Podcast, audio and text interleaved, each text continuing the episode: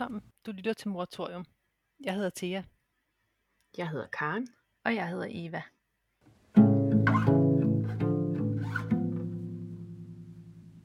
Moratorium er podcasten, hvor vi sætter fokus på, hvad det vil sige at blive til som mor. Her handler det ikke om det lille nye menneske, der bliver bragt ind i verden. Det handler i stedet om os og om, hvordan barnet og de nye erfaringer forandrer os. Moderskabet kan være svært og lige til, det kan være smukt og brutalt. Det kan være naturligt og naturstridigt i én pærevælling. I moratorium forsøger vi at tale om det hele uden at dømme noget rigtigt eller forkert, for at skabe lidt mere plads i det der moderskab. Hvis du vil høre mere om os, podcasten Stormer, og hvad det er, vi vil med den, så lyt til vores første afsnit. Velkommen til Moratorium. I vil nok kunne høre, at øh, Eva og jeg, vi sidder sammen hjemme hos mig under min datters seng, øh, mens vi optager, øh, mens Thea hun er med på en linje fra Singapore. Så hvis I kan fornemme, at det har lidt betydning for lyden og di- øh, dialogen, så er det altså derfor. Men tak fordi I lytter med. Vi er glade for, at øh, I vil være med i vores fællesskab.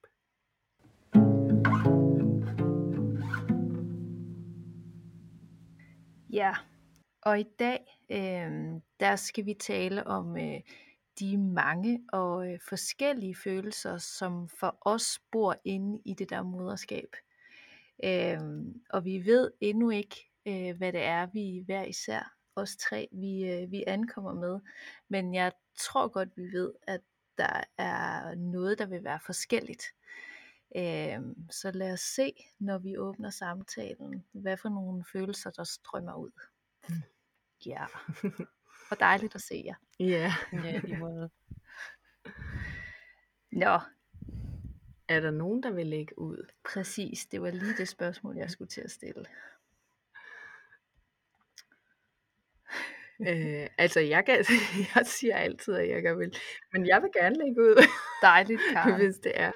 Altså, det er faktisk fordi, at jeg synes, at det er sådan lidt, øh, at det er sådan lidt startagtigt, fordi at det var øh, en øh, følelse, som øh, jeg først opdagede, da jeg læste den her bog, opdagede jeg, at jeg havde øh, ikke været, at den havde jeg ikke sådan registreret undervejs, fordi jeg har taget øh, Dyb, Lam, Dyb Plambæks øh, til min søster med.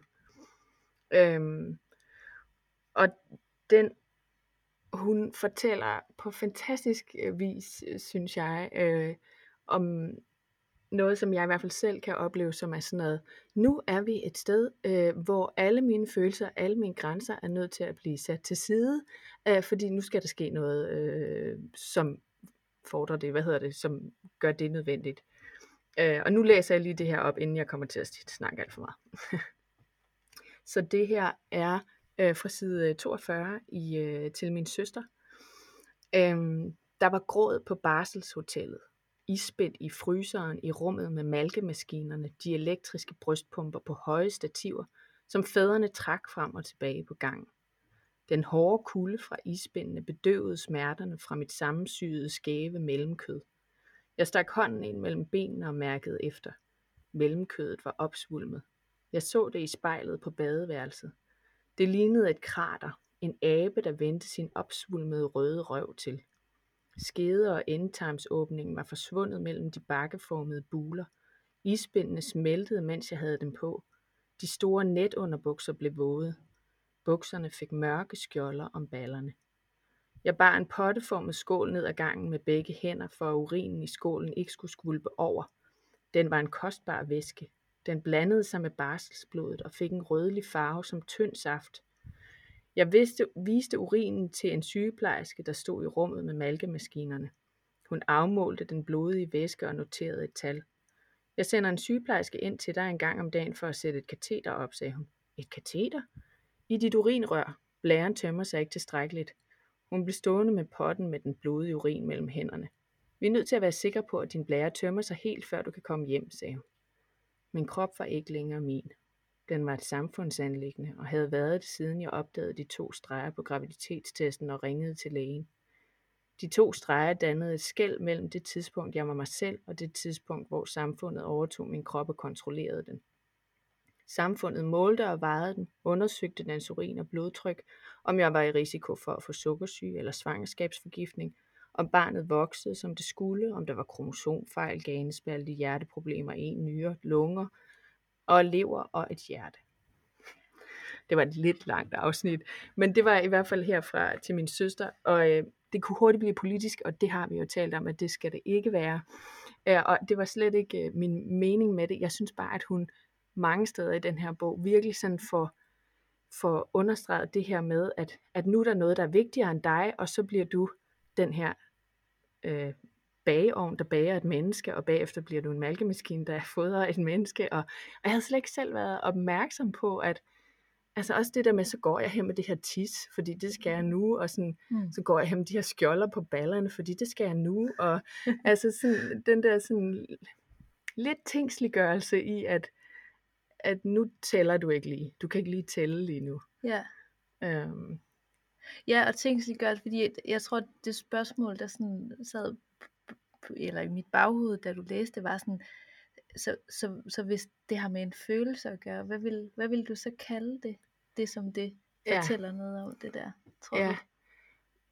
Ja, men det er nemlig et godt spørgsmål, fordi jeg tror mere, at det er sådan den der, ja, ja, på den måde er det måske ikke så klogt, fordi at det sådan er mere, Nå, jo, jo. ja, men mere den der med, at jeg ikke måtte føle noget. Ah, Og at jeg sådan efterfølgende fik den der følelse af at have lukket ned mm, for alle de der følelser, som jeg jo ellers har været nok af. Øhm, ja. Nu jeg synes så egentlig også, det, det du lige sagde med, du sagde, nu kan jeg ikke huske præcis, hvad du sagde, men du sagde, jeg sad nemlig også og ventede på, hvornår følelsen kom, og så sagde du et eller andet med, Ja, at man ikke tæller mere, eller sådan et eller andet, Ja. sagde du. ja, Det Ja. tænker Ja. jeg også, jeg ved ikke, hvad den følelse hedder på rigtig følelsesprog, men det, jeg, jeg ved godt, hvad det er for en følelse, ikke? Altså den der følelse af, at det egentlig, lidt ligesom det vi har snakket om tidligere med det væskende dyr, der bare står og væsker lidt alene. Altså det der med, at det er Ja, lige meget, fordi nu er man i gang med en eller anden opgave, nogle andre synes er større, eller sådan noget, ikke? Altså, Ja, og en af mine pointer var faktisk den der udslettelse, som, Mm. som du i hvert fald også har talt meget om, Tia, at det, at det var også den, der var som følelse i det her, at ja, at, Ja. ja nu er Ja. jeg bare slettet. Ja, Ja. præcis. Ja. Altså jeg synes, det, er- det er meget, meget genkendeligt. Øhm, da jeg sådan sad derhjemme og skulle prøve sådan at tænke, mm, kan jeg vide, hvad jeg skulle have med. Jeg har ikke et bidrag med, men hvis jeg, hvis jeg havde læst Dyb Lambæks bog, så tror jeg godt, jeg kunne have taget det med. Øh, fordi jeg, jeg tror, at i mit hoved har det nogle gange heddet sådan ensomhed eller forladthed. Mm. Øh, Øh, men men da, da, det, da jeg sådan er gået og rumsteret om det her de, den sidste uges tid, så tror jeg faktisk, at det i højere grad var den der følelse af ja, opløsning næsten, Ja. eller udslettelse. Ja. Øh, øh, altså i virkeligheden følelsen af måske lige pludselig ikke at blive vigtig i kraft af mig selv, Mm.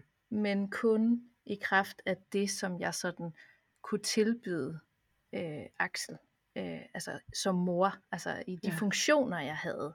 Ja. Øhm, jeg kan huske, øh, altså i min, min egen fortælling, der har jeg den der historie om, øh, om at ligge derude under bruseren, da Axel han skulle fødes, fordi han kommer for tidligt. Han vil ud i verden for, t- for tidligt i forhold til, hvad jeg havde regn- skulle regne med, han skulle. Øh, og øh, min mand er i gang med at pumpe det der badekar op, og den der, den der oplevelse af både at være ensom, men i virkeligheden også at lige pludselig at blive mindre vigtig, fordi jeg, ja, det var vigtigt, at jeg skulle føde ham. Ja. Øh, eller bagefter, når jeg har født ham, så den der moderkage der, Ja. ville ikke komme ud.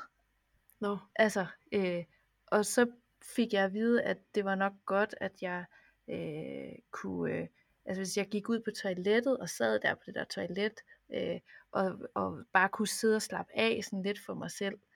Og jeg følte mig virkelig sådan, altså virkelig, virkelig sådan alene, og også forvist, og måske i virkeligheden, altså det der med, når man nu skulle det praktiske ordnes, at den der Mm. moderkage der, den skulle ud, og det var knap så væsentligt, hvordan den kom ud. Altså det Ja. var mere den der funktion, Ja. tror jeg. Eller du kaldte det også sådan objektgørelse, ikke? Ja, sådan tingsliggørelse, Ja, ting- Ja, ja, ja. Altså, Jeg ved ikke, du bryder bare ind til, fordi jeg, jeg kommer også til at tænke på, og det her det er virkelig, jeg har det lidt skidt med at sige det, fordi jeg havde verdens bedste dream team til min fødselsdag.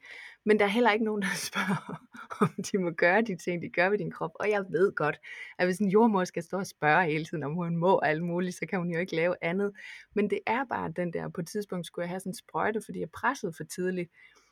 Og der var ikke nogen, der, der sådan, der, der var ikke sådan, der blev ikke sådan sagt, øh, nu stikker jeg lige alle fingre og hænder op i din skede, og så trykker jeg ud, og så sprøjter jeg en kanyle her. Altså, sådan, du ved ikke, fordi det er bare sådan, det skal bare gøres, dut, dut, dut. Ja. Og, og det, det er meget specielt. Ja. Det var meget specielt for mig, og samtidig kunne jeg også mærke, at sådan, så lukkede jeg bare ned. Det, det, det, det, det, det, det. Nu må jeg Ja. ikke mærke noget, så lader jeg være med det. Ja. Ja. Men det er sjovt, fordi jeg kommer jo til at tage udgangspunkt i noget, hvor der måske ikke er så mange følelser, fordi de skulle. Så måske skulle vi hive fat i øh, nogle flere Ja, eller også følelser. er der mange følelser. Eller Ja, sådan, præcis. det ved jeg ikke. Jeg synes i hvert fald, da jeg kom i tanke om de her episoder, det var, at det var, altså nu ved jeg ikke, om det er det samme, vi snakker om, men at det var meget sådan, ja, følelsesfuldt for mig, at, Mm. at for- genforbinde mig med det sted. Mm. Hvordan, genkender du noget af det, eller hvordan Ja, lyder ja, det for ja. din stol til? Jamen, jeg tror bare, jeg har lidt svært ved at lige øhm, finde ud af, hvor jeg skal sætte ind, fordi Ja, Øh, fordi følelserne kan jeg jo godt genkende. Altså vi snakker om det der med at, at blive øh, ja, udslittet eller tingsgjort, eller ikke at tælle, eller sådan noget. Det, det ja. Ja. kan jeg jo sagtens kende, men ikke for den der situation. Altså jeg havde ikke, jeg, jeg husker det som om, at de spurgte om alt, inden de gjorde noget i min fødsel. Ikke? Så jeg kan slet ikke, øh, Ja. så, så koblingen kan jeg ikke lige falde ind i. Og jeg er også lidt bange Nej. for, at vi kommer til at tale mere om det der med at blive mødt, ikke mødt, eller et eller andet. Altså jeg tænker, at Mm. det er svært at holde sporet på de der følelser i det. Men, øhm, ja, ja. og, jeg, og, jeg, og, jeg, og jeg har slet ikke, jeg har slet ikke tænkt på de følelser som en del af det her afsnit, vi optager i dag. Det er lidt Nej. sjovt, fordi jeg tænker, Nej, der er er flere afsnit, der handler om det, så jeg har slet ikke tænkt på dem i dag. Så jeg tror egentlig, det er mest derfor, jeg er lidt stille, for jeg sidder lige og Ja. tænker, skal Ja. jeg kaste mig ind i den her, eller, og hvordan skal jeg så lige gøre det, det ved jeg faktisk ikke. Nej. Nej, Så men, prøv at, undskyld, nej, nej, sig noget. Nej, men jeg vil bare, så pr- prøv at, så, så, så hvad har for dig været sådan en af, øh, en af de følelser, der har været særligt på programmet, eller sådan dukket særligt op, når vi har snakket om, at vi skulle optage det her afsnit? Ja, for jeg skulle også til at sige, har du et bidrag, vi måske skulle, øh, så vi lige kan... Ja. Jeg var lige ved altså... at Altså- sige, get back on track. Nå nej, men det, det er vigtigt, Nej, det er ikke nej. noget med back on track, det er bare, Nej, øh, jeg kunne nej. bare ikke lige relatere på samme måde. Nej. Altså, jeg har et bidrag, som jeg gerne, gerne vil tage med, men, men jeg kunne egentlig også godt tænke mig lige at starte med at sige noget om det der med, hvad det er for nogle følelser. Fordi det, Ja. Det er jo også interessant nok i sig selv, ikke? at for mig er det, jo, der er nogle følelser, som jeg sådan tænker, det tror jeg også har været inde på før, sådan noget som samhørighed for eksempel. Mm. Mega stærkt for mig, forbundet med mit moderskab. Ikke? Øhm, ja. Øhm, men også øh, alenehed. Og for mig er det ikke Mm. mm. ensomhed. Det er Mm. heller ikke nødvendigvis forladthed, det er det nogle gange, men det er mere bare sådan en følelse af at være fuldstændig alene i verden lige pludselig. Også selvom der måske er folk omkring. Mm. Øh, og så er det, du ved, øh, øh, øh, utilstrækkelighed, usikkerhed, bekymring, skyld, skam, dårlig samvittighed, øh, kærlighed, alt muligt. Så det er lige så meget det der med, at det er så mange følelser på én Ja. gang, eller, og det kan skifte så hurtigt. Man kan gå fra at være, jeg, kan, jeg har kunne gå fra at bare være fyldt af den der kærlighed, til bare at blive fuldstændig smadret af usikkerhed Ja. ja. eller et eller andet. Så jeg tror, det har været meget det, der har fyldt i mig egentlig. Øhm, Mm. Men, og jeg har et bidrag, som jeg har, som, øhm, som jeg ikke har tænkt på tidligere, men som er dukket op den sidste uge, når jeg har tænkt på det her afsnit, som er sådan lidt anderledes, end hvad jeg ellers ville have taget med. Så det kunne måske mm. være meget interessant. Mm. Øhm, jeg er nødt til at forklare lidt først, både for jer og for lytterne, fordi det er musik, Ja. og Ej, det må man jo ikke, eller hvad man skal sige. Så altså, jeg har det her nummer, som jeg er blevet ved med at tænke på, og jeg har også nærmest hørt det på repeat i, i perioder, øhm, de sidste måneder eller sådan noget. Og, øhm, og, jeg, øh, altså, og, og det vil jeg gerne spille. Og, derfor, og, det, og det ved jeg ikke, hvad lytterne ved, men man må ikke bare gå og spille andre menneskers musik på den måde, uden at betale for det selvfølgelig. Der er nogle øh, kunstnere, som selvfølgelig skal have løn. Det forstår jeg godt. Mm.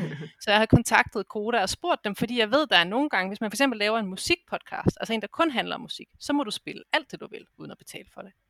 så tænker jeg, at det kunne jo være et eller andet. Nu, nu prøver jeg lige at finde ud af, hvad koster det overhovedet? Det havde jeg heller ikke anelse om.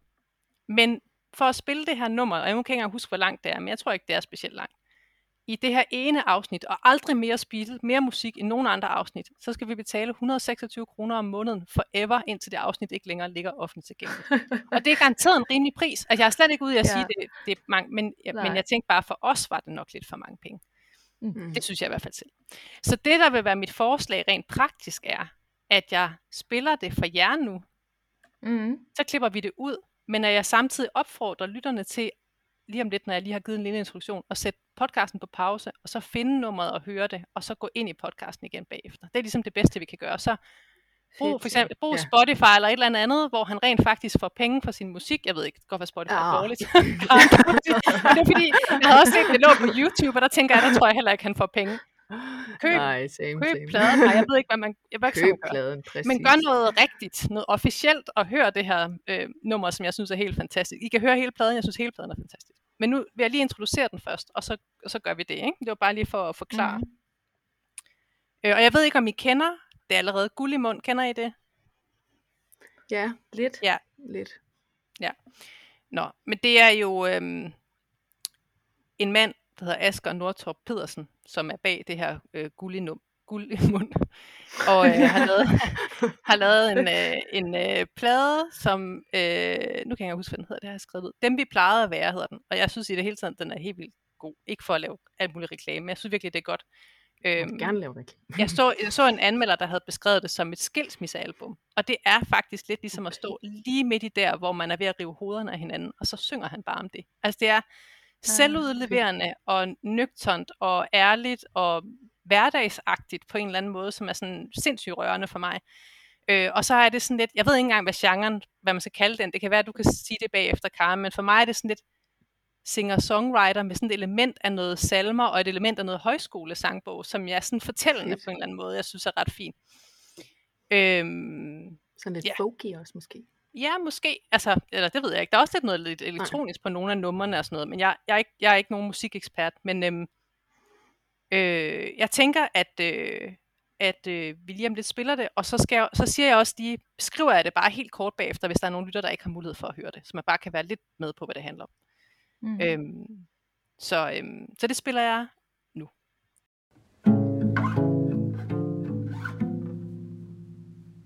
Jeg glemte at sige, at det nummeret hedder Små Fingre af Gullimund. Jeg ved ikke, hvad... Øhm, og nu har vi jo så hørt den her. Jeg håber, at nogle af jer derude også har haft mulighed for at høre den. Men hvad, altså genremæssigt, Karen, hvad vil du kalde det? Jamen, jeg tænker sådan noget, netop som du siger, noget elektronisk bland, men der er også en lille smule lige noget trompetsolo der, øh, eller i hvert fald om ikke andet en elektronisk øh, trompetsolo og lidt elektronisk. Og det, ja. ja, det er sådan ja. en mash af mange gode sager. Ja. Mm. Men altså, det handler jo om den her helt almindelige hverdagssituation, hvor man putter sit barn. Altså, og jeg synes, at øh, altså, han, han beskriver det jo bare sådan helt nøgternt. Der kører en lastbil forbi ude på vejen, og jeg kan høre naboen, der spiser, og du piller ved mit øre, og Øhm, så for mig er det sådan intimt og blidt og simpelt. Ja. Og, øhm, altså jeg får sådan følelsen af at være i den der situation selv. Øhm, øh, ja, så jeg, jeg, jeg bliver sat ind i, i den der putte situation, som den ser ud hjemme hos mig. I hvert fald mm. den mere lykkelige varianter af den. Ja, øhm, ja. Når jeg hører nummeret, ikke? Øhm, ja. Øhm, jeg ved ikke, jeg har, altså inden jeg siger noget om, hvorfor jeg har det med, så kunne jeg måske godt tænke mig at høre, hvad, hvad, hvad tænker I, da I hørte det? Hvilken stemning sætter det jer i? Eller gør det overhovedet noget for jer? Ja, ja klart. Og til, øh, hvis vi lige ruder lidt, så er det fordi, vi lige skal have lidt strøm på Karens, øh, okay. Karens computer. øh, øh, altså, jeg bliver, jeg bliver med det samme øh, bragt ind i, øh, altså jeg tror, jeg har et bidrag med, der øh, rimer på, øh, på, på noget af det, den tekst eller den stemning, der er i hvert fald, hvad det gør ved mig, øh, som for mig øh, altså er forbundet med med øh, den øh, hvad hedder sådan noget, det helt særlige, den helt særlige gave det er at blive mor. Altså som som meget handler om den der dybe fornemmelse af øh, forbundethed. Øh, jeg tror selv, du sagde det før, Karen, eller til, øh, og, øh, og, øh, og, og som mod, modblik i virkeligheden, og du bliver helt rørt, Karen, som modbillede måske til, til der, hvor vi starter historien af den der oplevelse af ikke at være vigtig, Ja. så Mm. at være, være så vigtig og så valgt af et andet menneske, øh, som jeg i hvert fald aldrig nogensinde har prøvet før, som, Mm. som er det særligste, den særligste gave, synes jeg, det er at blive mor mm. til, til Axel. Ja. Ja, altså jeg sidder lige og tuder lidt. Ja. og det er fordi, jeg bliver... Hvad siger du? Nej, jeg siger, hvad du må sige til, hvis du vil lige have lidt Ja. tid, og ellers vil vi gerne høre, hvad du tænker.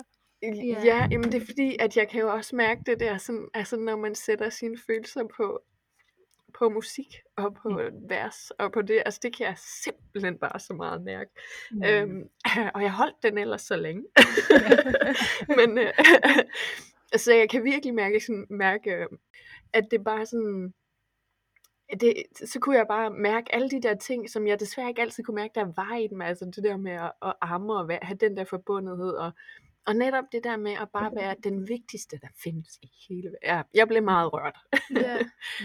Men det gør jeg Ja. også, når jeg hører det. Altså, det, er- det, det, det, Ja. det er noget af det samme, det gør ved mig. Men altså, øhm, jeg har også måske sådan en lille øh, anekdote med til den også, fordi øhm, altså jeg, det her nummer er meget, det giver mig den der grund, nogle af det, jeg vil tænke sådan var en grundstemning for mig i moderskab, nemlig at det er altså smukt og lykkeligt, men samtidig skrøbeligt.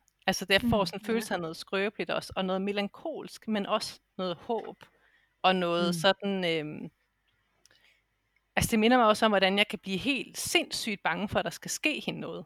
Altså, Ja. øhm, og, og bekymret og usikker på, om jeg gør det rigtigt, men også samtidig den der følelse af, at mit bryst næsten ikke kan rumme den der kærlighed, der er mellem os. Altså ikke bare min til hende eller hende, men det, der er imellem os. Altså, at det næsten er for stort nogle gange. Ikke? Øhm, og jeg har haft anekdoteagtigt at høre med, af, at vi er, vi er inde i sådan en periode, hvor jeg har haft sindssygt mange dårlige putteseancer på det sidste. Og nu er det jo ikke tilbage til barseltiden, nu er det jo nu, hvor hun er fire og et halvt virkelig mange af de der, altså det, jeg tænker, det handler om, at jeg har en periode, hvor jeg bare ikke har, jeg har bare ikke særlig meget tålmodighed og energi. Altså jeg bliver meget hurtigt irriteret og frustreret, når hun vil snakke og lege i stedet for at sove. Ikke? Mm. Øhm, og så er det rigtig tit lige det der øjeblik, som jeg synes, han synger om her, lige der, hvor barnet falder i søvn. Ikke? Lige når hun så er faldet i søvn. Altså hun falder altid i søvn, lige når jeg tænker, nu kan jeg ikke mere. Så falder hun i søvn, ikke? Eller sådan føles det. Øhm, og, og lige det der øjeblik, så det kan godt være, at jeg har siddet i et kvarter og tænkt, nu skal jeg bare ud herfra, nu skal hun bare sove. Og så lige i det der øjeblik, der bliver det bare så fredfyldt, og så roligt, og så sårbart, og så kærligt, at jeg faktisk lige på det sidste tit er endt med at sidde inde hos hende, efter hun har sovet der i mørket, og bare lige Ja. været i det der øjeblik, hvor man bare kan mærke nærheden og kærligheden og håbet, og så netop hendes kæmpe store tiltro til mig. Ikke? Altså, Ja. øhm, Ja. så er det bare sådan omsorgsfuldt og håbefuldt og, og trøstende også, synes jeg et eller andet sted. Så Ja. det er egentlig det, jeg godt kan lide ved det her nummer, at det netop er, det er ikke bare sådan en eller anden kæmpe kærlighedshyldest, øh, eller sådan et eller andet. Det, det har den der skrøbelighed, eller sådan sårbarhed Mhm. over sig, som jeg, som jeg godt kan lide. Mm. Mm. Ja. Og det er, ja, det Hvad, er hvad, bliver, hvad sker der hos dig?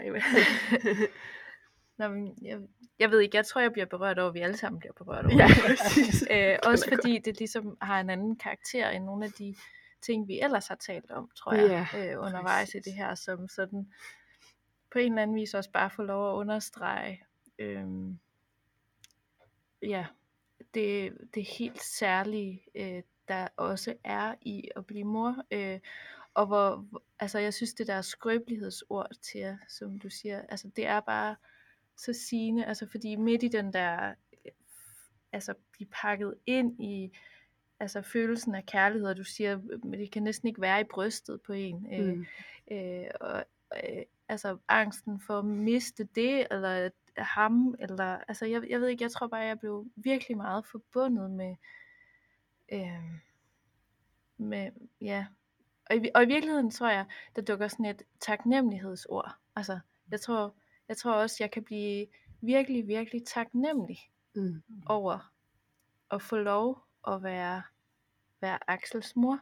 øh, at få lov at få de der øh, oplevelser, øh, som, som Gullimund beskriver øh, der. Og jeg, jeg har selv et, et bidrag med, nu ved jeg ikke lige, om jeg skal læse det op nu, men, men som på en eller anden vis understreger noget af det samme. Ja. Altså, ja.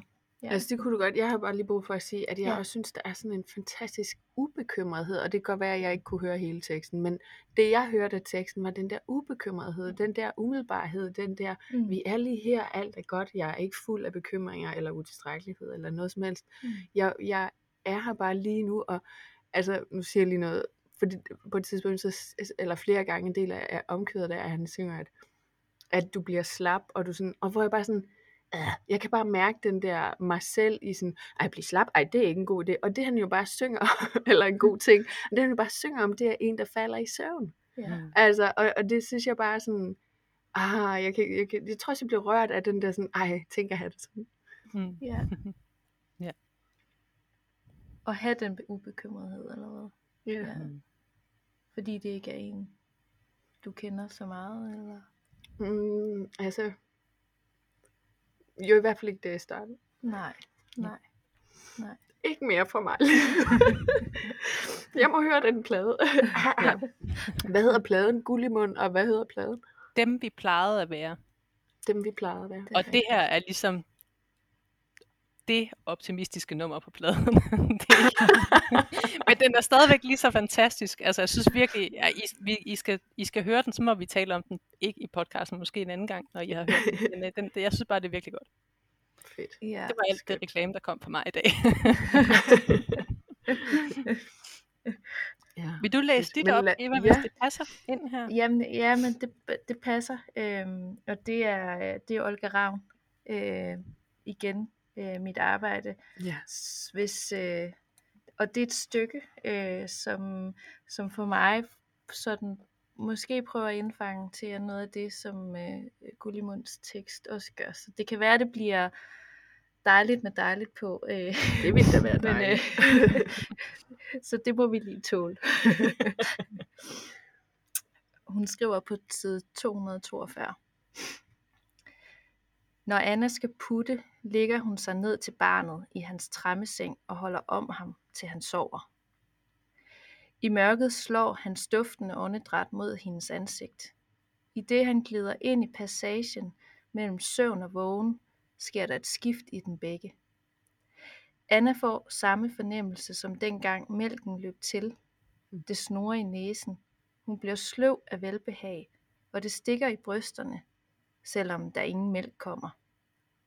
Et sug trækker hende nedad, som blev hjertet en sten, der falder gennem en brønds varme og skyggefulde skagt. Den søvnige lykke strømmer imellem dem som et sprog. Sammen husker de i sengen i mørket, at de engang var en. Barnet falder i dybere søvn. Deres puls slår i takt. Anna ligger vågen hos ham, omsluttet af kærlighed. Det er dette sted imellem dem, det ordløse for, forbund, der får Anna til at overleve. Wow. Øhm, og jeg tror, jeg, altså, jeg, jeg, jeg har taget det med af samme grund, som, som måske du har taget Gullimund med til, at det er fordi, at, at når, øh, når jeg tænker på moderskab og de følelser, som det rummer, så rummer det alt muligt, og det er ambivalent og forskelligt og komplekst. Øh, men en af, de, øh, en af de følelser, som jeg aldrig har kendt før, øh, er det noget af det, som jeg synes, Olga Ravn øh, i det lille afsnit sætter ord på, Mm. som er som er, er en forbundethed med et andet væsen af en karakter, øh, som øh, i mit liv, i hvert fald i perioder, har betydet en ro og en, øh, at noget andet er sat ind, øh, i stedet for den restløshed, som er et meget genkendeligt fænomen i mit liv. Mm. Øhm, jeg kan huske, øhm, øh, fra han var helt lille. Øh, øh, og faktisk øh, kan jeg særlig huske en episode, hvor vi første gang, hvor vi var ude at rejse lidt længere tid, vi tog til Sicilien, og vi landede i Catania Lufthavn øh, ret sent om aftenen, og det tog rigtig langt. På Sicilien tager det lang tid at få udleveret sin legebil. øh, så vi stod længe i kø, og jeg gik rundt med ham i bærescenen, og så ankommer vi til, til det Airbnb-lejlighed, øh, hvor vi skal bo. Øh, og min krop har virkelig været sådan totalt sidrende, fordi alting tog meget længere tid og var meget mere kompliceret og, og så videre. Så jeg, jeg, jeg havde det sådan, jeg anede ikke, hvordan jeg skulle øh, falde i søvn. Øh, og så øh, lagde jeg Axel ned i den der campingseng, øh, rejseseng ved siden af mig. Og jeg lagde mig øh, i sengen. Øh, og havde den der krop, der bare dirrede rundt. Øh, og så lyttede jeg til hans åndedræt. Og så kan jeg, jeg kan nærmest ikke engang huske, at jeg faldt i søvn. Og jeg er ikke sådan en, der er god til at falde i søvn. Så for mig har, altså den der forbundethed har virkelig haft sådan en karakter af, ja, noget andet er flyttet ind i mit liv, som jeg ikke kendte før. Ja. Ja. ja. Hvor fint. Hvor fint. Ja. Det var vist bare det. Ja, ja men det er så fint. Ja. Nu bliver det alt for positivt. Ej, det er fantastisk. Nej, men det er jo det fine. Altså, det var også det, du sagde til jer før. Det der mm. med, at der jo er så meget forskelligt, der strider i så mange forskellige retninger, mm. og nærmest kan gøre det på samme tid. Ikke? Ja. Så det her, det kan bo lige ved siden af noget af alt det andet. Ja, ja det er ret vildt. Ja. ja. Og hvad har noget af alt det andet også været for jer? Og skal vi... Jeg har lige glemt samtlige bidrag, jeg havde med. øhm, ja. Det er også dejligt lige at være i det her, fordi jeg har sådan, jeg, jeg synes det er dejligt lige at være her, fordi at jeg synes jeg har haft alle de her positive følelser, og så har jeg bare ikke så fordi der var så meget det andet, så har, jeg, så har jeg bare først opdaget dem bagefter, og det ja. kan jeg godt blive sådan lidt trist over, jeg tror også, det er, ah. altså sådan, at, at sådan, at, ah ja, der var jo også det og det og det og det, men det blev hele tiden overskygget af alt det andet øh, reaktionsaløje. Ja. Øhm, ja, så det er også et dejligt sted at være lige her, og, og det der med åndedrag, altså der er jo ikke noget finere end sådan, altså nej, ja, ja. Hvad tænker du hele vejen i Singapore til? jeg fik bare lige brug for at svælge lidt. Ja. Bare lige lidt. ja. ja. Ja. Ja. Er der Jamen, nogen, det er bare svært nogle... at skifte, ikke? Altså, jo, jeg har, ja, ja, jeg, har, jeg har også et andet bidrag med, men, øhm, men det er mere det er svært at lave det skift nu. Skal man, Jamen, man skal det næsten lige det. sætte en jingle ind nu, og så, ja. så starte igen. Det gør vi. Ja. Nu kommer der en kort jingle.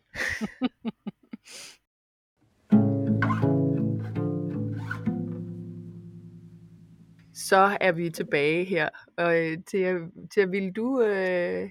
Ja, ja. Men, øh, ja. Det, og det er faktisk et lidt lige så svært... Øh, øh, ej, ikke lige så svært, men... Øh, det er et billede nemlig, så derfor er det også noget, jeg lige skal beskrive. Øhm, men det er jo det er en tegning af Line Jensen, som, øh, som vi jo mm. også ved, at jeg er vældig glad for. Og vi har talt, altså vi tre har talt om det før, vi har ikke talt om det i podcasten før. Men øhm, ja, og jeg prøver bare at beskrive det. Jeg skal nok prøve, om jeg, jeg har prøvet at kunne finde ud af, hvad det hed eller et eller andet, men det har jeg ikke kunnet, fordi det er fra en af hendes bøger, og jeg har ikke bogen. Så jeg skal lige bruge lidt mere research-tid, så skal jeg nok uh, sørge for, at det kommer mere op med, med episoden, eller med show notes så man kan finde det. Men det er sådan et billede af øh, en kvinde, der sidder i, med nøgen overkrop op i en seng, altså sidder op af væggen med dynen over, over benene og ammer øh, sit barn, og det er nat, fordi baggrunden er helt sort, og så er der sådan tre stjerner, så man kan se, at det er nat, og så ved siden, sådan lidt over i siden fra øhm, under dynen der, der ligger der så en, en anden og sover, øh, og, og jeg, jeg tænker, det er af, af hendes mand eller partner. Han ligger og sover der. Og øhm, øh, for mig er det sådan, øh, altså fordi det netop baggrunden bare er sort med tre stjerner, ikke? Det er ikke sådan et vindue med gardiner, der er rullet for eller, eller andet. Det er ligesom om, det er nærmest ligesom om hun sidder ude under den der helt mørke nattehimmel i bælragende mørke og ammer det der barn, og han ligger derovre ved siden af og sover. Og det er, det, er, øhm, det minder mig om igen det der ambivalente, altså hvordan den her situation for mig, jeg har godt nok også siddet mange gange ved siden af min sovende mand og ammet min datter, da hun var så lille, at hun stadigvæk sov i, i vores rum, i vores værelse, at øhm, det kunne både være helt vildt hyggeligt. Altså jeg kunne både sidde der og virkelig føle, nu var jeg bare omsluttet af vores træs familiekærlighed, og det var bare trygt og rart, at han lå der ved siden af, og hun bare, og det kunne også være sindssygt, altså jeg kunne også føle mig helt alene i verden. Altså, mm. øhm, så det kunne både være den der boble af, her er vi tre med vores lille familie, og hvor er det fint, og nu sidder jeg her og tager mig af hende, og han ligger der og sover.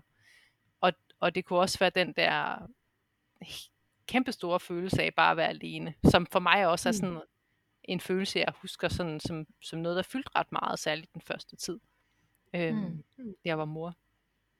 At selvom at han, han kunne være, Rasmus kunne være lige ved siden af, eller selvom der kunne være andre mennesker ved siden af, eller tilgængelige, øh, så, så kunne det stadigvæk føles, øh, så kunne jeg stadigvæk føle mig helt alene. Altså, øhm, mm. ja. Jeg kan godt supplere, hvis, øh, ja, fordi ja. jeg har nemlig også, øh, øh, jeg, jeg ved ikke om, det er ikke for at tage din, men bare fordi jeg har skrevet, jeg har det samme med. Altså jeg har simpelthen taget et uddrag fra min dagbog, hvor der står, kære dagbog, jeg føler mig helt ramt alene. Jeg sidder og skrevet det her om natten, skal jeg måske lige mm. sige. Jeg føler mig ensom. Med min datter ved brystet og min mand sovende ved siden af mig, er jeg det mest ensomme, jeg nogensinde har følt mig. Mm. Altså, og det er selvfølgelig lige, fordi du sagde, at du kunne, jeg, jeg, jeg tror bare ikke lige, jeg havde de der, hvor jeg sådan, I var det rart her. Jeg, jeg følte mig simpelthen bare så alene der om natten, altså. Ja. Mm. Ja. Jeg havde sådan et vindue, jeg kiggede over i, hvor jeg får mig alle mulige ting om, hvad der skete inde bag det der vindue. Ja. Lidt cool look. Ja. altså ikke sådan, men bare sådan, wow, det var drømmelandet der, der skete og de havde sådan noget vildt nattelys på og sådan noget. Ja. ja. Så, så jeg er helt med på den der, og, og jeg tror begge to, Eva og jeg, vi kender også begge to, ja, som du sagde til, at vi har snakket om det der Line Jensen billede, og det, mm. der er også det der med vuggen. Mm. Øh, og, ja, ja, det bliver jeg godt nok også ramt af, da du viste også det. Ja. Men det, men det er sjovt, fordi øh, jeg tror, jeg har, jeg har i mine noter til i dag, at er den samme øh, situation beskrevet. Men jeg tror, jeg måske ligesom dig til, at for mig er det knyttet til den der sådan dobbelthed. Altså sådan den der fornemmelse af en samtidighed af, øh, nu kan jeg ikke huske, hvordan du beskrev det til, men, men for mig sådan det der med det privilegerede. Mm. Tænk, at, at jeg måtte have lov at være den, der var helt tæt på ham, og, øh, og øh, lægge ham til mit bryst og øh, få ham til at vokse. Øh, altså forbundetheden. Og samtidig med det, midt i det, øh, mm. næsten ensomheden. Eller, øh, du, du siger så alenehed. Prøv lige, ja. Fordi det, det ja. sagde du faktisk også før til jer. Prøv lige mm. sige lidt om det. Det der med, det er ikke Jamen, ensomhed, jeg... det er alene. Hvad, ja. hvad... Jamen, jeg ved heller ja. ikke, om man, jeg ved heller ikke, hvordan man definerer altså de nej, to nej. ord i virkeligheden. Men for mig, øh, Altså, jeg tror, jeg tænker ensom, så vil det være sådan noget, hvor jeg ikke havde nogen, jeg kunne tage fat i, mm. eller jeg havde ikke nogen, der ville være sammen med mig om det, eller et eller andet. Og det, det var jeg jo ikke. Jeg havde jo Rasmus, han ville jo gerne være der, han sov bare. Altså, mm. øhm, yeah. øh, så jeg tænker mere på sådan en, ja, altså, jamen, hvordan skal jeg forklare det? At være alene, altså, øhm, øhm, altså sådan ret tæt på sådan en forladthedsfølelse, ikke? Men uden at være mm, forladt. Ja. Men sådan en, øh, ja, hvordan skal jeg forklare ja. det? Altså, jeg, jeg, ved, jeg ved simpelthen ikke, jeg ved ikke hvorfor, men jeg har aldrig tænkt på det som ensomhed. Jeg har aldrig, Nej. Det er ikke, Nej. Men, øh, men meget sådan den der alenehed. Altså, og jeg tror også noget, det handler om, at jeg, altså også nogle af de ting, vi har snakket om tidligere, i andre afsnit og sådan noget, jeg har ikke kunnet, jeg har ikke kunne forstå selv, hvad det var, jeg følte, eller hvorfor jeg følte det. Og derfor har jeg ikke kunne fortælle nogen om det, og derfor har jeg følt mig så alene med det. Altså, Mm. Ja. jeg tror også, det er ja. den måde sådan at føle sig alene i det, fordi de andre ikke kan forstå det. Men det er jo ikke, fordi de andre ikke er der. Altså, det tror Nej. jeg, for mig vil ensomhed mere være, hvis de andre ikke var der for mig. Men det var de. De kunne bare ikke Ja, være det, jeg havde brug for, for jeg kunne ikke finde ud af at forklare, hvad det var. Eller nej. Mm. jeg tror, Nej. det er sådan, jeg tænker det. Ja. Altså, Jeg Men, fordi ja. jeg, jeg ser det, jeg, jeg, jeg er nemlig helt med på, hvad du siger, og så, så havde jeg bare det der med, at, det, altså, at, jeg, at jeg følte ikke, der var nogen, der genkendte mig, og jeg tror, det blev virkelig, virkelig tydeligt, da jeg så mødtes med dig, Eva, som jeg har talt om flere gange, fordi at der gik alligevel noget tid, inden vi så havde en gåtur, hvor jeg følte, at jeg for første gang ikke var ensom, fordi der var i hvert fald et andet menneske. Det var også det, der er så absurd, ikke? at jeg har gået rundt og tænkt, at jeg var den eneste i verden, der havde det sådan her, den første del af mit moderskab. Og så møder jeg dig, og så må du være den eneste anden i verden, der har oplevet det samme. Øhm, og hvad var det, jeg ville sige med det? Jo, fordi at, at selvom min mand virkelig prøvede, så, så han kunne bare ikke spejle mig i det, eller hvad det var, jeg havde genkendt mig i det, eller, eller sige, ja, det kender jeg godt. Altså det, den Mm. der sådan, Mm. åh. Så jeg følte, altså jeg følte sådan, ja, ensom. Ja. Ja, og også det der, ja, forladthed er også, men det er sådan frygteligt, uh, Ja. ord. Ja. ja. Og jeg tror, mm, jeg tror jeg mere, jeg har haft det sådan ensomhed. Jeg ved ikke lige, hvorfor det, det ord er mere blevet betegnende. Og så i virkeligheden, så tror jeg, at, at også undervejs i vores samtaler med hinanden, altså fordi jeg kan også, jeg tror, jeg tit har hørt mig selv sige det der med, der var jo ikke nogen, eller jeg tror også på et tidspunkt, jeg får sagt, det har jeg også med, men at, at jeg mere havde sådan en oplevelse af at blive set for kampen i det, eller det jeg Mm. sådan ligesom præsteret, altså det der præstationsfølelse er også sådan en, der for mig er meget fremtrædende.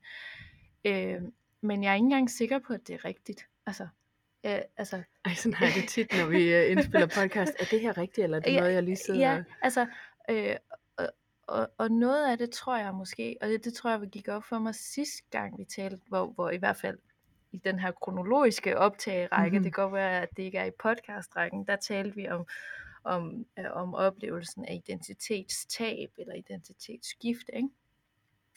Altså, hvor jeg, hvor jeg tror, at noget af ensomheden var simpelthen også, jeg havde sådan en fornemmelse af, at, altså, at jeg ikke engang vidste, kunne genkende mig selv længere. Altså, Mm. så, så, så jeg kunne ikke engang være ved mig selv og bede nogle andre om øh, og, øh, at være med mig, fordi jeg vidste ikke, hvad de skulle være med, eller skulle kunne Nej, rigtigt. genkende. Ja. Ja. Nå, det kan være, det er en detur, men, Nej. men, men det er bare interessant, det der med, hvad det er, vi kalder det, synes Ja. jeg. Mm. Ja.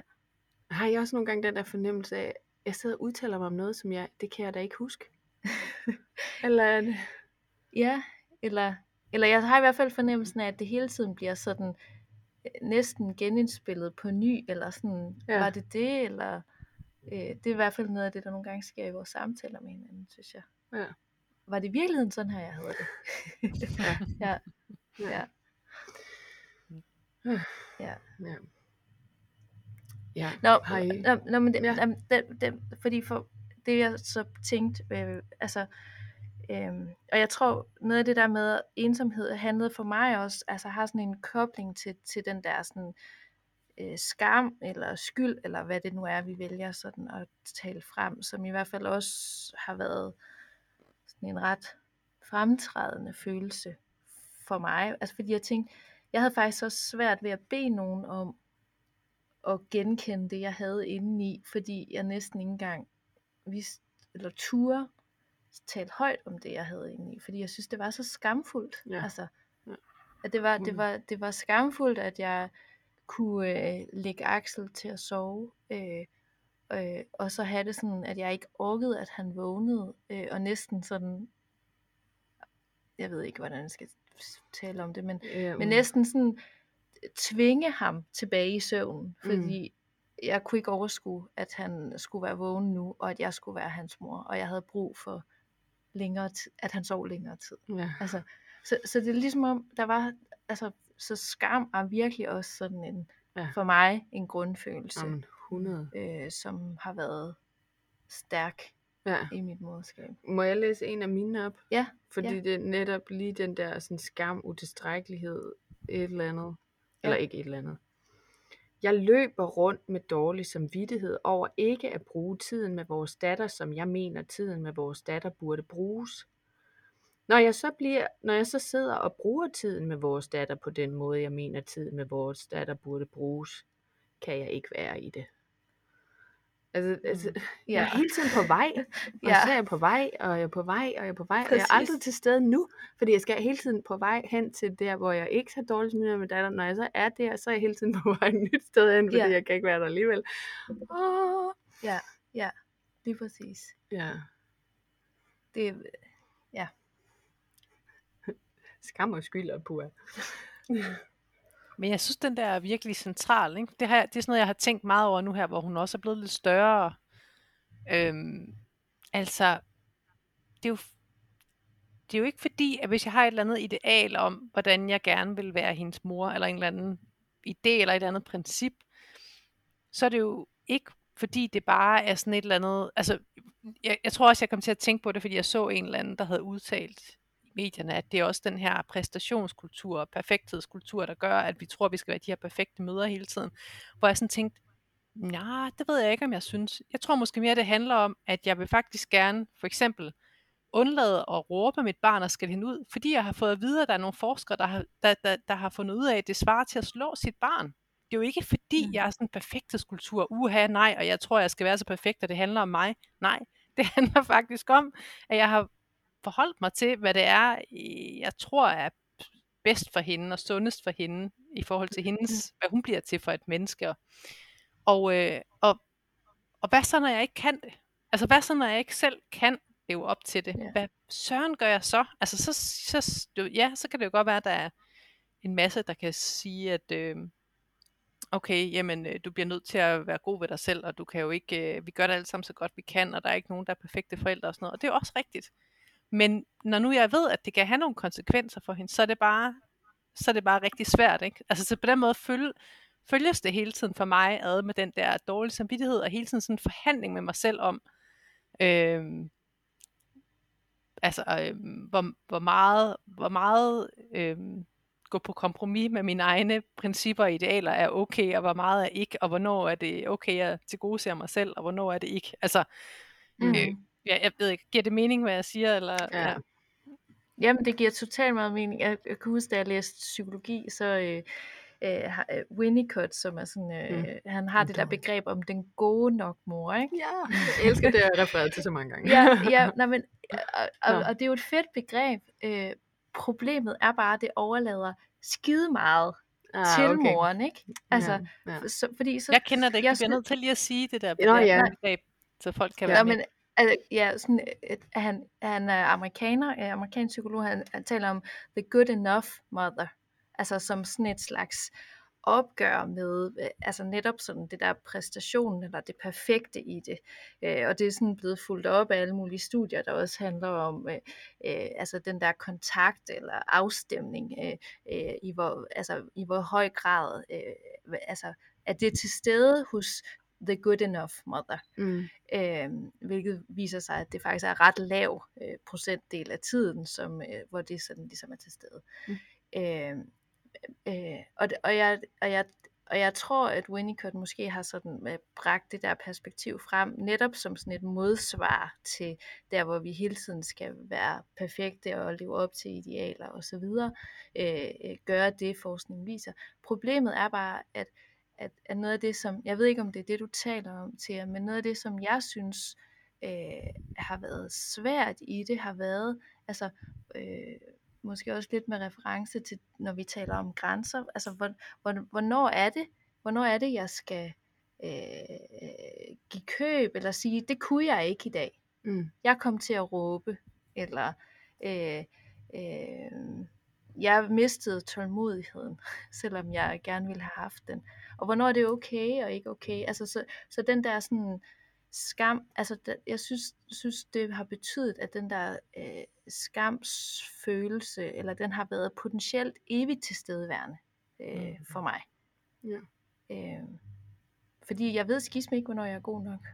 Altså, Nej, men sjovt, fordi altså, jeg har jo netop ikke læst psykologi, Nej. men kender det der begreb, og har Ja. så brugt det på min egen måde. Så jeg Ja. har simpelthen fået så meget godt ud af det, fordi Jamen sådan, fedt. du skal ikke være den perfekte måde. Good Nej. enough mothering, that is good enough. Ja, ja. Altså, øh, Ja. men det, er ja, det var nok godt, at jeg ikke har læst mere på det. Nå, nej, nej, men jeg, jeg tror ikke, at det, er, det ligger i, øh, i, i tænkningen.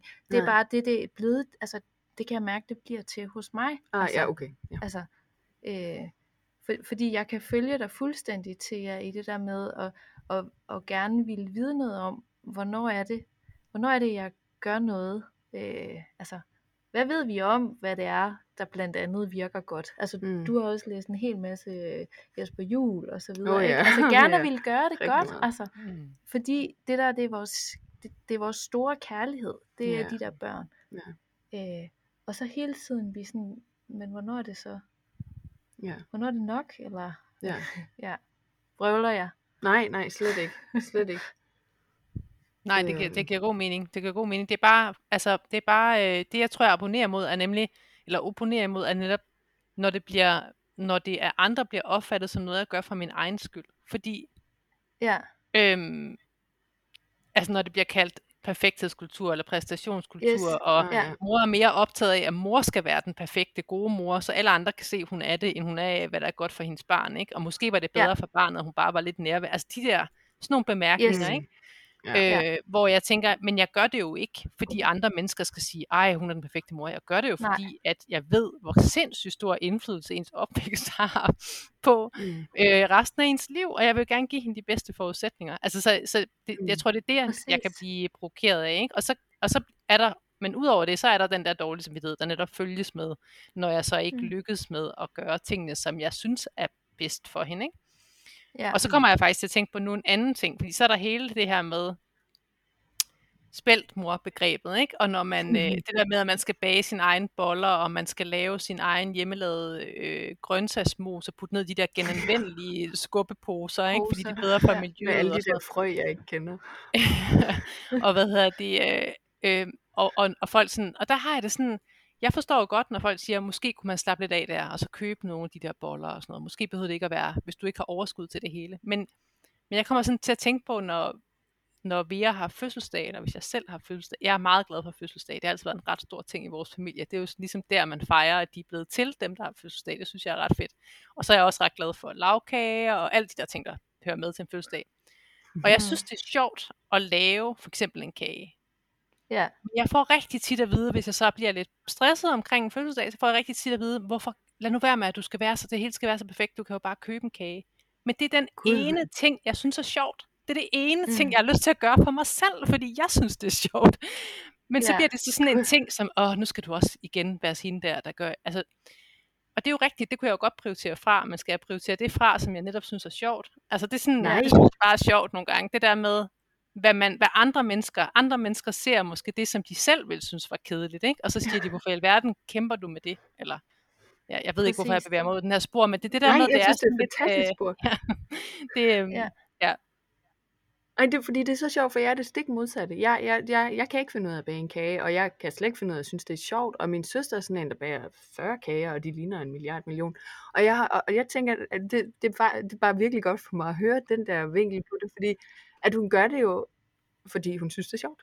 altså, Ja. fordi det er det, der er det fede i det. Ja. Hvor, hvor jeg kan slet ikke sætte mig ind i det der, for jeg kan slet ikke finde det. Nå, undskyld, nu bliver jeg gik lige uh, private mode herovre. ja, det er lige en fedt. Uh, aha Mm, ja. godt. ja, præcis. ja. ja, sorry. Men jeg tænker lidt, at øh, altså, øhm, nej, jeg tror, når jeg var i gang med også det at prøve at stoppe mig selv i det der, så er det fordi, det tror jeg er et helt tema i sig selv, det her med de her idealer og principper og Ja. hvad der følger med af dårlig samvittighed og skyld og bekymring og usikkerhed og alt muligt andet i den boldgade. Øh, så så i, i forhold til, at vi allerede har optaget en team, så tænker jeg bare, måske Ja. skulle vi passe på, at vi ikke løber Ja. for langt ud af den. Jeg kunne mærke, at Ja, jeg selv var på vej derud. Ja. Øhm, Ja. Så tror jeg, jeg har, det er ikke et bidrag, øh, men Ja. ja. det rimer lidt øh, på det her, vi taler om nu. Øh, og og jeg, jeg har simpelthen været nødt til at tvinge mig selv til at øh, sætte det på dagsordenen, Mm. øh, fordi jeg har hørt mig selv sige det så mange gange, og I har ikke sagt det, øh, som handler om det her med vrede. Øh, Altså som, som i hvert fald, øh, jeg tror undervejs i vores samtaler med hinanden over det sidste halve år, er jeg blevet opmærksom på, hvor meget vrede der også har været i. Nu griner jeg af det, og det virker helt åndssvagt, fordi det er ikke værd at grine af. Mm. Øh, men, men hvor meget vrede der faktisk for mig har været knyttet til, til mit moderskab også. Øh, og jeg tror, øh, jeg, jeg har ikke tænkt over det før, altså hvad det er for noget, det der med det der vrede. Og jeg ved faktisk heller ikke, hvordan I har det med det. Mm. Altså, er, er vrede for, for jer noget, der øh, bor sammen med moderskab, jeres Mm. moderskab? Klart. 100 millioner. Det er det for dig? Ja. Ja, hvorfor? Prøv at sige lidt. Øh, fordi at... Ja, nej, jeg synes, jeg, jeg tror, at så Nej, begynder jeg at okay. overtage. Jeg tror, Okay. du skal gøre det. Nej, men, nej, men der er ikke... thing. Nej, nej, der er ikke... Nå, det var... nej, Nå, okay. og, til Jamen, hvordan jamen øh, øh, jeg, har, jeg har ikke tænkt på, tror jeg, at vrede var noget, der sådan fyldte øh, særlig meget, før vi begyndte at, vi tre begyndte at snakke sammen. Men jeg kan godt se, Okay. At øh, jeg tror bare ikke, jeg har tænkt på det som noget, fordi jeg ikke har vidst, hvor jeg skulle rette den hen. Nej. Altså, Mm. hvis jeg havde Nej. følt, at jeg var vred på nogle bestemte, eller sådan, så havde det nok været nemmere for mig ligesom at se, at det var vrede. Men fordi jeg ikke har gjort det, så har jeg ikke set, at det var vrede. Men jo, jeg tror, jeg tror, det er vrede. Jeg tror for eksempel, når jeg altid var mega sur og tvær på Rasmus, når han kom hjem efter arbejde, Ja. yeah. jeg var på barsel, så tror jeg, der har været sådan, der har ligget sådan en vrede. Altså, der, det, der har, Ja. ja, det tror jeg helt klart. Jeg tror helt klart, at Ja. det, ikke som sådan en stor, alt overskyggende følelse, men mere som sådan en underliggende, lidt nedunder det hele, eller sådan. Ja.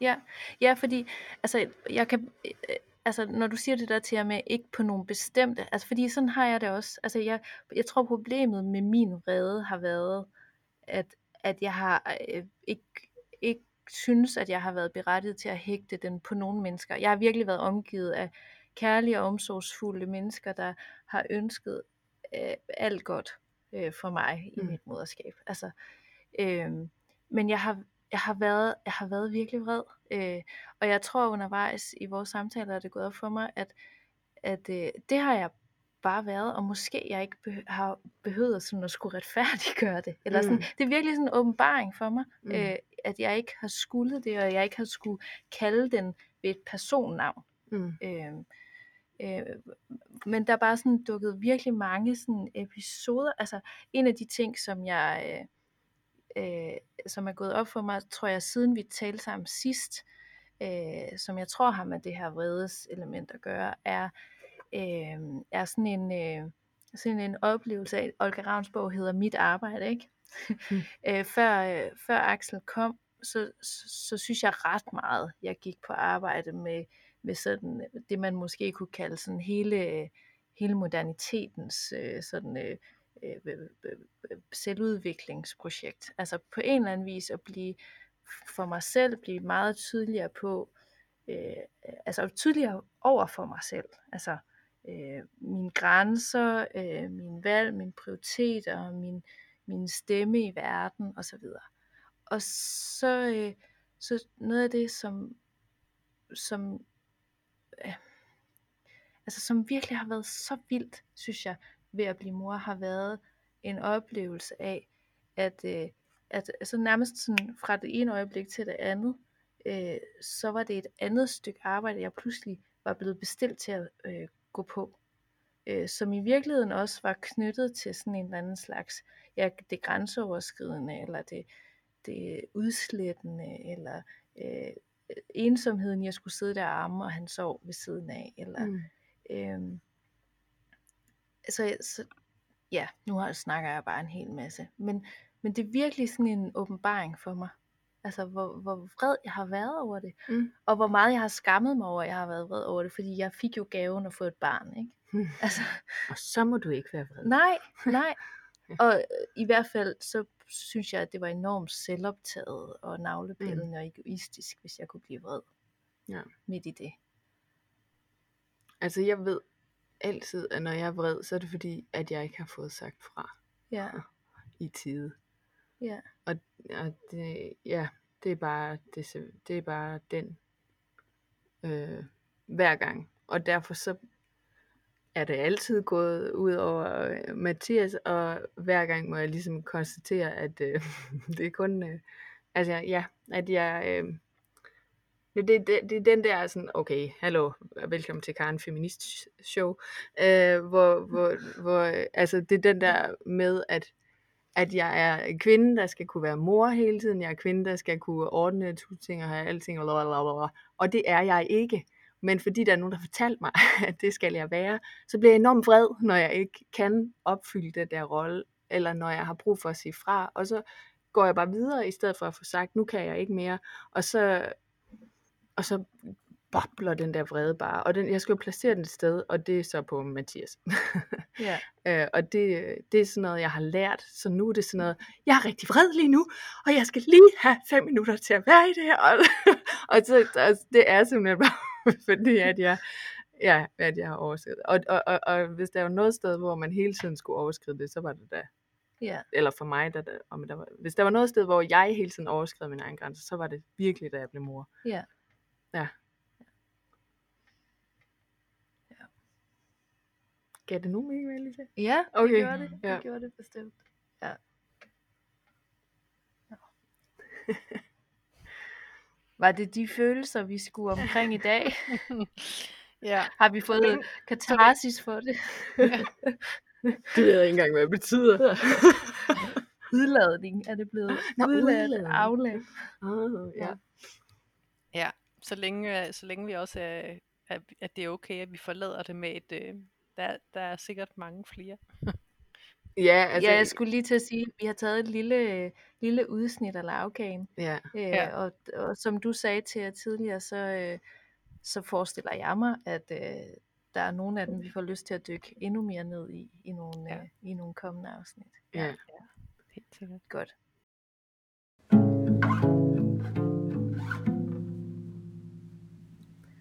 Så, øh, så er vi jo der, hvor øh, vi skal runde øh, samtalen for i dag af. Mhm. Øh, og det gør vi ligesom vi plejer ved at øh, øh, lige vende det her spørgsmål om, hvor, øh, hvor vi hver især er blevet ramt, eller hvad vi er blevet ramt af Mm. undervejs i snakken. Ja.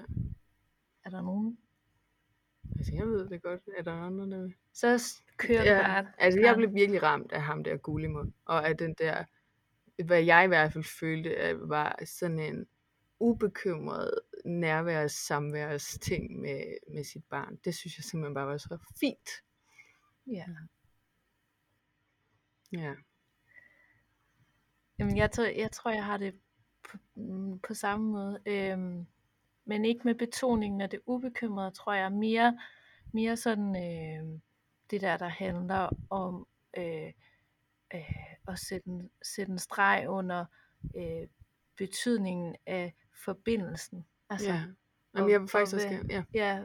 ja, hvad, hvad, det, altså, hvad det er, det har betydet i mit liv. Altså, jeg har, har sådan en fornemmelse af, at jeg har fået et anker i mit liv. Mm.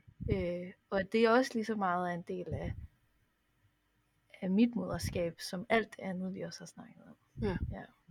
Men hvis jeg lige må få Ja. lov at trække det der ubekymret tilbage, for det er mere den der med sådan bare at være i det, og Ja. være her, og ikke være på vej, og altså bare være her lige nu, og, og nyde, at du har fat i mit øre, eller hvad du har, Ja. lille menneske med de små fingre. Ej, det synes jeg var fint. Og så vil jeg så også sige, øh, nu undskyld, men at det der øh, Olga Ravn afsnit, det synes jeg er fabulous. Ja. Ja. Jeg tror, øh, jeg tror måske egentlig, at jeg mest sådan blev ramt af, at øh, altså, mm, jeg tror, at i den der snak efter, efter Gullimunds nummer og sådan noget, at det var sådan en af de første gange, hvor jeg følte, at vi sådan faktisk lidt var det, det samme sted. Altså ikke på sådan en Ja. dårlig måde, men fordi vi tit, så er jeg lidt, har jeg lidt en anden oplevelse eller et eller andet. Så det var sådan, det synes jeg var helt rart. Og så også faktisk, at vi pludselig landede i noget, som måske også havde sådan lidt mere positiv klang.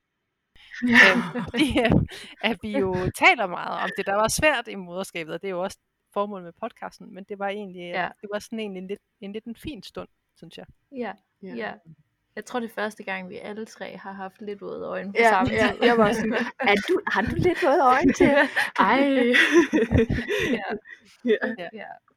Ja, Nå, så godt. tak. Ja.